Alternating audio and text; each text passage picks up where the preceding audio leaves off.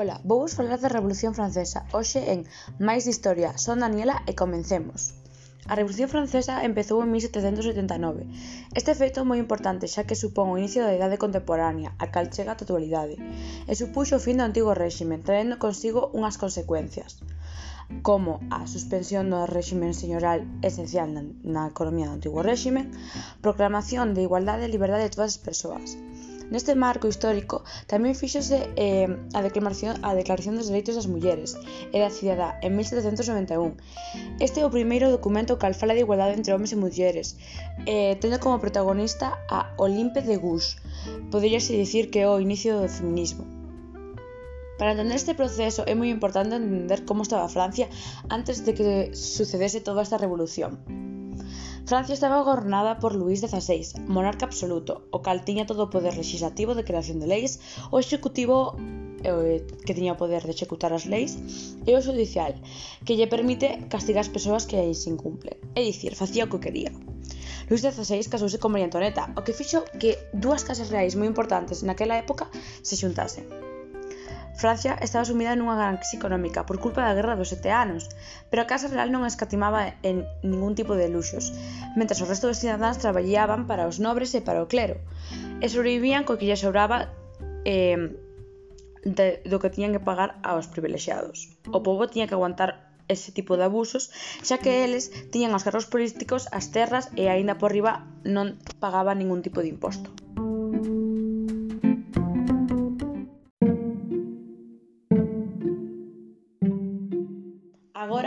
Vou falar das causas da revolución que cambiou o mundo.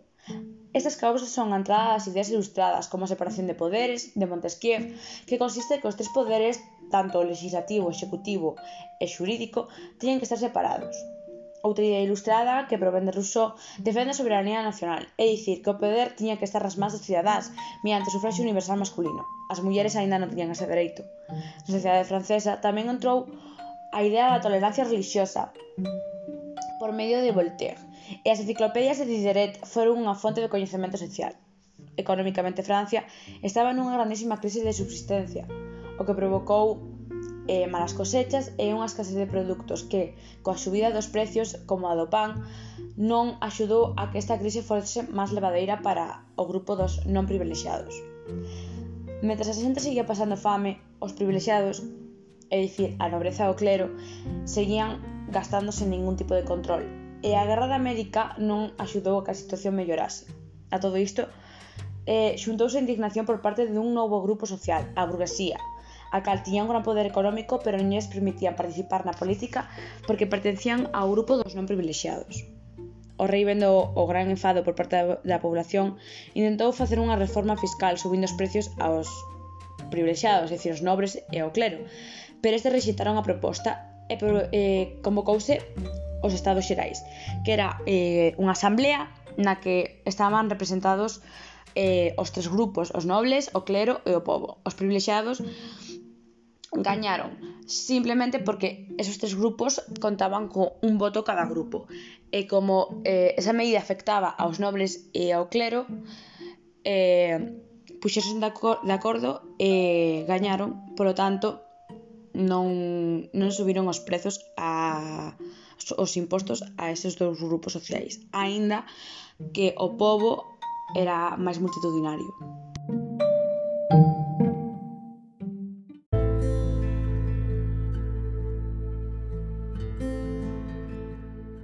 Os representantes do terceiro estamento enfadáronse e xuran non separarse hasta que Francia teña unha constitución e forma a Asamblea Nacional como únicos representantes da nación. Nesa asamblea destaca un home chamado Robespierre, o cal alza a voz e toma un pouco o poder. O primeiro feito da revolución foi a toma da Bastilla, que era unha prisión real símbolo do poder absoluto do antigo réxime. E, é tomada por parte dos cidadáns de París, como xesto reivindicativo xa que o rei non recoñecía a Asamblea Nacional. Esta asamblea fai grandes cambios como a Declaración do Home do Cidadán. Aproban dereitos nunca antes visto, vistos como o dereito da propiedade, eh, porque se recordades, a propiedade era antes exclusivamente dos nobres e do clero. Comeza a separación de poderes, pero o cambio máis importante é a primeira Constitución de Francia en 1791, a cal as súas bases son a soberanía nacional, a separación de poderes, igualdade ante a lei e todos os cidadáns teñen dereito a sufraxo universal, aínda que soamente o masculino. O rei eh, vese obrigado a aceptar a Constitución e Francia entra nunha monarquía constitucional. As grandes manifestacións obrigan ao rei a quedar en París. Luís XVI, farto de ver como o seu poder e a súa influencia diminuía, pediu axuda aos seus dous veciños, Austria e Prusia. Recordade que Austria é a súa familia política en 1792. A familia real intenta escapar de Francia, pero uns guardias revolucionarios o recoñecen. E, a toda a familia real é acusada de traizón, o cal provoca a Primeira República Francesa. Comezou unha etapa coñecida como a Convención, na cal destacan dúas etapas. Na xironina eh, producirse feitos moi importantes, como eh, que o rei vai a xuizo e proclamado culpable, o cal eh, fai que o executen con un movimento chamado guillotina, eh, que convertese no símbolo da revolución. Tamén fixeron eh, fronte ás ameazas por parte de Austria e Prusia, que non cesaban. A segunda etapa ou época do terror é a xacobina, encabezada por Despierre, o cal eh, impuxo unha política moi autoritaria e executou a todas as persoas que consideraban inimigos da revolución. Isto fixo que se desatase un golpe de estado que levou a Robespierre á guillotina. É dicir, en plan, ese home que loitaba por a liberdade eh, na Asamblea Nacional agora converteuse de, de certo modo eh, nun dictador, por así decirlo. E despois desa etapa vivida comezou o directorio, encabezado pola burguesía conservadora e censitaria, que eliminaron as reformas radicais do Berreo dos e iniciaron unha recuperación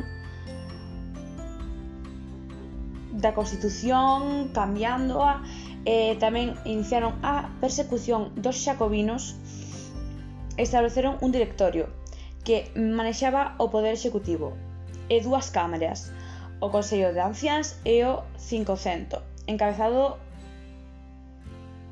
mm, de persoas con gran influencia e este era o encargado do poder legislativo.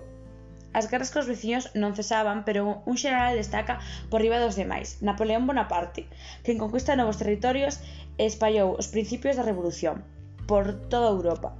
Napoleón dá un golpe de estado en 1799 e elabora unha nova constitución, o Directorio é abolido e establece un goberno censurado pres, eh, presidido por o propio Napoleón e así comeza unha etapa coñecida como consulado.